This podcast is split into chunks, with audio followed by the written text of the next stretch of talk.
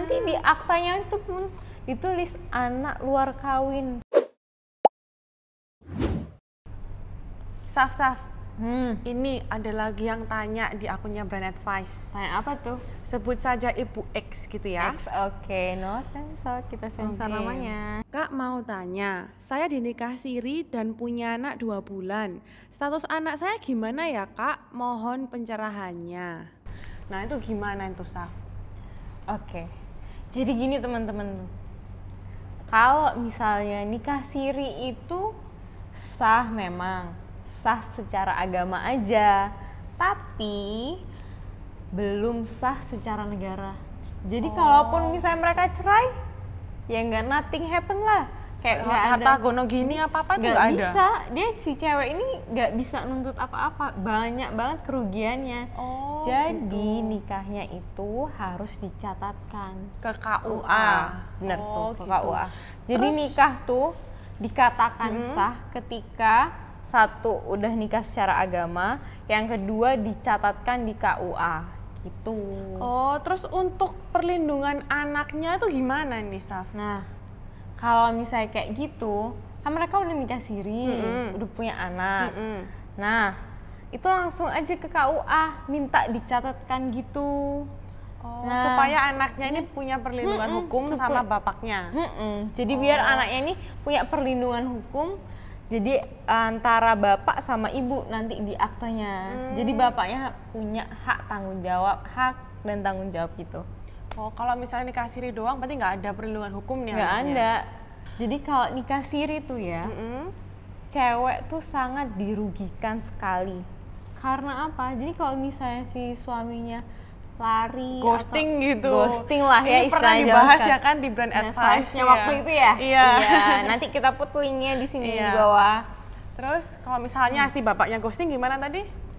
Cuma tanggung jawabnya ya ke ibunya, ibu yang bertanggung jawab. Nanti di aktanya itu pun ditulis anak luar kawin. Si ibunya yang pun yang bertanggung jawab, cuma nama ibunya, bapaknya nggak tanggung jawab. Jadi bagi cewek-cewek nih ya, jangan pernah mau dinikah sirih dulu. Iya harus jelas gitu ya. ini harus mau jelas. dibawa ke mana? Mau gitu. dibawa ke mana? Harus dicatatkan. Jadi kalau misalnya ya kita nggak boleh lah ya mikir yang positif-positifnya. Jadi Terus gitu. uh-uh. uh, harus be aware gitu kan? harus beware bener banget jadi kayak misalnya nanti kalau misalnya udah nikah siri eh sangkanya aman nggak aman sama sekali jadi kamu nikah siri ya secara agama aja inget harus dicatatkan Be careful ya girls. jadi aku tuh juga punya temen ya kayak punya temen deket gitu loh jadi dia tuh nikah siri aku udah bilang kamu tuh harus dicatatkan enggak kok nikah secara agama Pasti tuh alasannya karena cinta. Iya bener Hmm, banget dia tuh kayak cinta. alasannya cinta dan cowoknya mau bertanggung jawab dan lain-lain lain.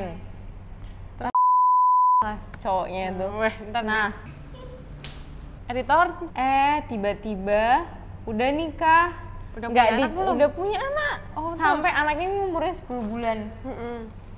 Setelah 10 bulan, nggak taunya cowoknya tuh pergi kayak kerja Hilang gitu loh, gitu. hilang. Hmm, kayak Bang Toib tuh nggak pulang-pulang. nggak pulang-pulang tiba-tiba bawa istri baru dan istrinya tuh istri sahnya itu ditulis di KUA Oh kan, berarti yang temanmu ini dia Cuma nikah di siri siri, doang. di siri Walaupun doang. istri pertama. walaupun istri pertama benar jadi kayak ya status anaknya ujung-ujungnya jadi anak luar kawin meskipun udah nikah siri maksudnya sah secara agama kan tapi kan mereka nggak dicatatkan Iya, padahal dia kan istri pertama ya. Padahal istri pertama. Akhirnya ujung-ujungnya Mm-mm. di akta anaknya yang bertanggung jawab itu ya ibunya.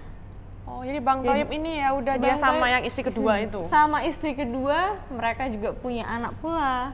Tapi Oh. si istri ini, temanku ini nggak bisa ngapa-ngapain. Karena kan Nggak cuma bisa dikasih nuntut apa-apa juga kan nggak ya? bisa nuntut apa-apa. Jadi ya pertanggungjawabannya anaknya itu yang bertanggung yang bertanggung jawab, Jawab ya ibunya ibunya. doang. Mm-mm. Hmm, gitu. Jadi kayak gimana ya? ya makanya jangan We mau. should beware. Yes. Jadi cewek-cewek tuh we should be aware, oke? Jangan pernah mau diomongin sama cowok nikah siri ataupun gimana-gimana ataupun mau dimanfaatkan sama cowok, just be aware. Nah, terus gimana nih, Saf? Kan zaman sekarang ini cowok-cowok pada pinter ya, kan ngerayu cewek kayak, aduh, ayo kita nikah minggu depan. Kayaknya kamu kita pengalaman banget ya. ngajakin nikah gitu. Gimana tuh kalau akhirnya zong, udah cowoknya hilang kayak Bang Toyib? Aduh, kasihan banget ya si ceweknya. Kasian banget. Kasihan banget.